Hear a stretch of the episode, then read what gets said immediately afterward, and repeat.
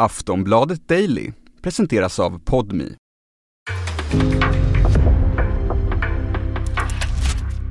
En podcast från Aftonbladet. Omröstningen har utfallit med 101 ja-röster, 173 nej-röster. 75 ledamöter har avstått från att rösta. Eftersom mindre än hälften av riksdagens ledamöter har röstat nej har kammaren godkänt förslaget att utse Magdalena Andersson till statsminister.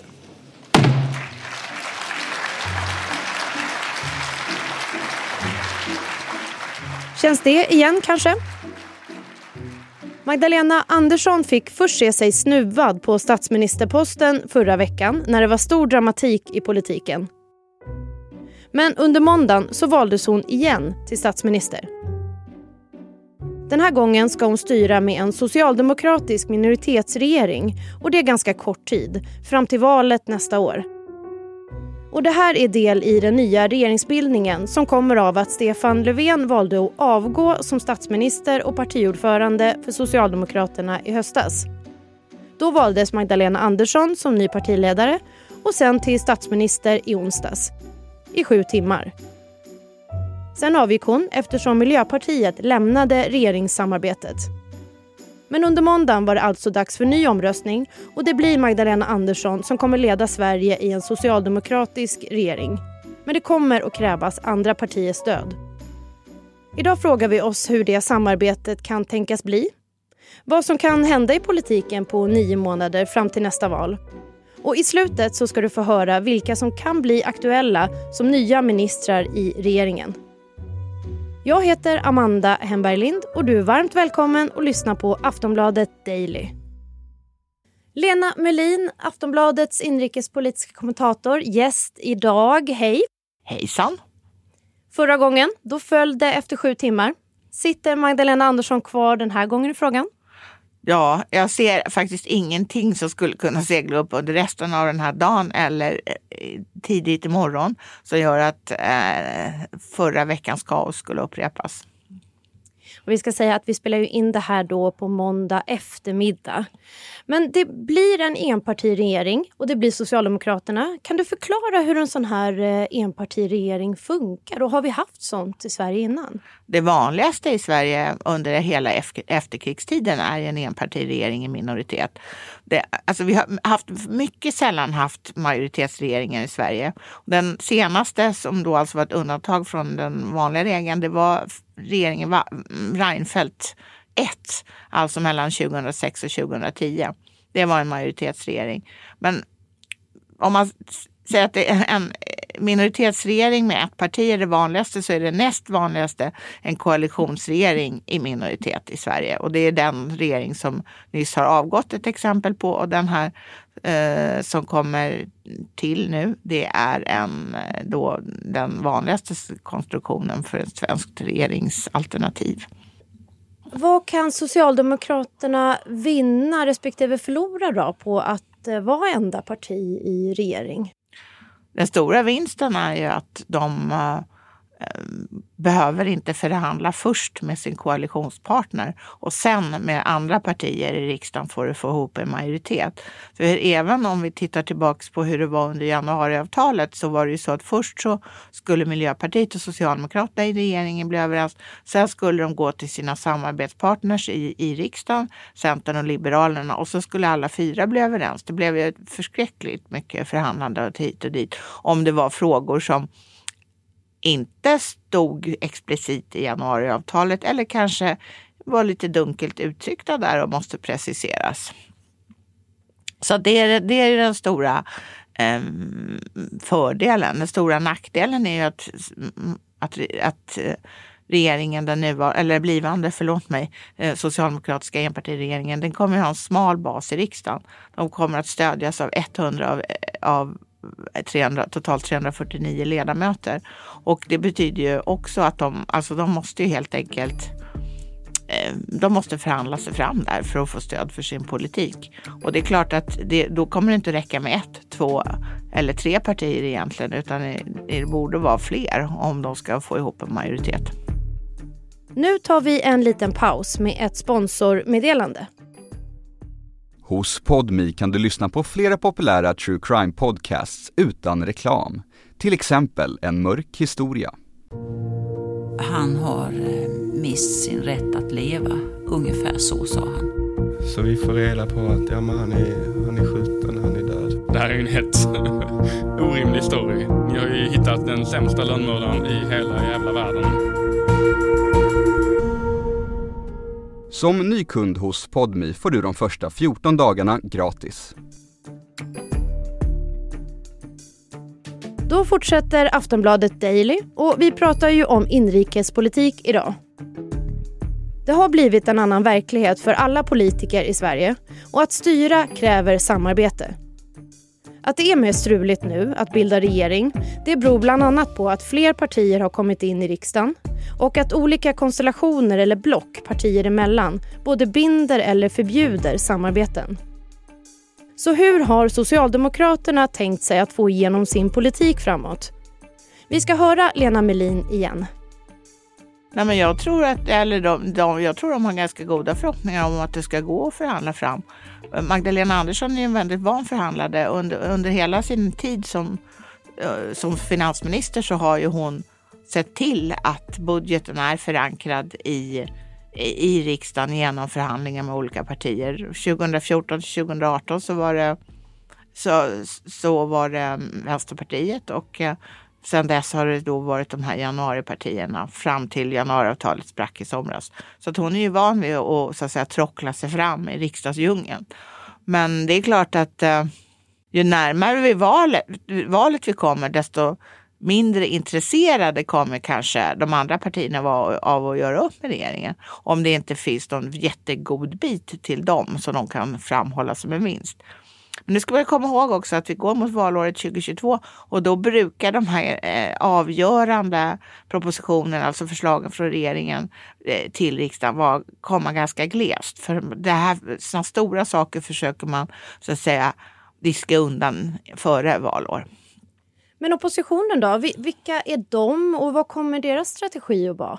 Ja, på oppositionen är ju alla partier utom Socialdemokraterna. Alltså det är sju stycken oppositionspartier. Från höger då SD, M, eh, L och KD och sen på vänstersidan eh, Vänsterpartiet och någonstans i mitten Centerpartiet och, och Miljöpartiet. Som, och Miljöpartiet ibland kallas ju de också rödgröna. Ja, men strategin då? Kommer den vara annorlunda i, i de här partierna nu? Eller hur bedömer jag, du det? Jag bedömer det som att Magdalena Andersson säkert väldigt sällan söker stöd i, i högeroppositionen. Därför de har ju ingen intresse av att, äh, att äh, hjälpa henne på traven och inte heller få igenom eh, förslag i riksdagen tror jag faktiskt. Så att de, de kommer satsa allt på att vinna valet. Vi hörde Ulf Kristersson idag i, i riksdagen. Han säger att det är ett, ett mandat som skiljer. Det är ett mandat det handlar om. Det är ett mandat vi ska vinna. Och det är ju en otroligt alltså, bra mm, slogan eh, för att få folk att gå till valurnorna tror jag. Alltså de, de väljare som kanske skulle avstått från att gå fast de egentligen tycker att det är de här, någon av de, något av de här partierna som, som borde vinna. För att då, det är liksom ett överkomligt mål att vinna ett mandat. Mm. Men det blev oppositionens budget som gick igenom och inte Socialdemokraternas. Går ens att styra på någon annans ekonomiska politik? Ja, i det här fallet gör det. Jag delar faktiskt i det här fallet Magdalena Anderssons bedömning. Hennes budgetförslag som ju då inte var mm, för, förhandlat med partier i riksdagen utan det var, det var ju regeringens, det vill säga Socialdemokraternas och Miljöpartiets budgetförslag, omfattar 1200 miljarder. Det som, eh, de ändringar som ehm, de, mm, Moderaterna, Sverigedemokraterna och, eh, och Kristdemokraterna eh, ville genomföra och fick riksdagens stöd för att genomföra, de omfattar 20 miljarder kronor. Det är en sextiondel av hela det här paketet. En del av de här grejerna kommer förmodligen inte ens att bli genomförda. Till, redan idag flaggade Miljöpartiet för att de tänker göra allting för att stoppa den här eh, sänkningen av bensinskatten som riksdagen då klubbade i det här rambeslutet förra veckan. Men svider inte då ändå? Det är ju någon annans ekonomiska politik. Ja, men de har faktiskt inte gett sig på själva grunderna för den ekonomiska politiken utan de har ju bara ändrat förslag för 20 miljarder varav 10 miljarder är skattesänkningar som Magdalena Andersson alldeles nyss på presskonferens förklarade att ja, det spelar väl ingen roll om det är mina 100 kronor i skattesänkning som man får eller deras. Alltså skillnaden mellan de två skattesänkningsmiljarderna var ganska små. Magdalena Andersson ska välja nya ministrar i sin regering. Miljöpartiet har ju lämnat, så där blir det luckor. Och så brukar ju varje ny statsminister vilja sätta sin prägel på det hela. Men, men blir det några wildcards eller finns det många förhandsfavoriter? då? Vilka gissningar har du, Lena? här? Det har ju varit extremt tyst. Magdalena Andersson har ju säkert talat med de flesta redan och fått eh, deras ja. Men det har inte läckt någonting. Och, um, så att det, det, här får ju vara ganska stora, mycket gissning från min sida. Det brukar Men, ju vara så ja, i det här läget. Ja, precis. Och jag, det, alltså en, en som jag tror kommer bli finansminister är Mikael Damberg. Eh, den, den posten blir, blir ju, är ju så att säga ledig sedan eh, några timmar när Magdalena Andersson valdes till statsminister. Och hon, han... Um, Då måste någon ta vid, inrikesminister, om han går till precis. finansminister. Och han är, har ju en väldigt stor fördel på finansministerposten. Det är att han pratar väldigt mycket. Och han kan liksom lägga ut texten. Och eftersom Magdalena Andersson själv är ganska fåordig, lite karg sådär, så tror jag att det är en väldigt bra kombination om det skulle, nu skulle bli han. Då blir det då ledigt på inrikesministerposten som du säger. Jag har där ingen kvalificerad gissning. Vissa tror Ardalan Shekarabi. Jag vet inte riktigt. Han är idag socialförsäkringsminister. Men vice statsminister då? Vem blir det? Det kommer att bli Morgan Johansson om han sitter kvar i regeringen. Han är den som är till tjänsteåren äldste i regeringen. Alltså han har suttit längst tid som statsråd och därför blir han vice statsminister. Så brukar det vara i alla enpartiregeringar. Det där är ingen formell titel utan det är, det är någonting som man liksom riktigt har, mer har hittat på. Och det handlar om vem som ska leda regeringssammanträdena eh, när statsministern är borta. Det vill säga, det är inte vice statsministern som gör det utan den till tjänsteåren äldste. Mm. Det finns ju fler då, men vi kan väl i alla fall ta en till. Ska vi dra till med kultur och demokratiminister då? Det har ju Amanda Lind suttit på. Vem kan bli det framöver? Ja, jag har ingen bra gissning. Det får vi se alltså. Det blir spännande. Men det, den som jag tror absolut kommer in i regeringen är Åsa Westlund som idag är ordförande i finansutskottet. Hon har suttit i EU-parlamentet där hon framförallt har sysslat med klimatfrågor. Och um, hon, jag, jag skulle bli förvånad om hon inte kommer in i regeringen. Men är hon ditt wildcard nu eller? Det har vi inte riktigt kommit Alltså himla wild vet jag inte om hon är men, men uh, jag tror att hon kommer in. Så nu, kommer det bli stormigt i politiken framåt? Eller mojnar det nu? Nej, jag tror att det blir jättestormigt. Vi, vi, har ju, vi går ju som sagt in i ett valår här äh, efter nyår. Då, är det val, då befinner vi oss i valåret 2022 och det är klart att det kommer att märkas i politiken. Det kommer att vara eh, jättestormigt. Alltså det har ju varit det redan i år, alltså otroligt stormigt och ibland på oklara grunder måste jag säga. Men, men eh, nu, nu, nu är det strid på kniven. Det är det där mandatet att slåss om. Sist här hörde du Lena Melin, Aftonbladets inrikespolitiska kommentator.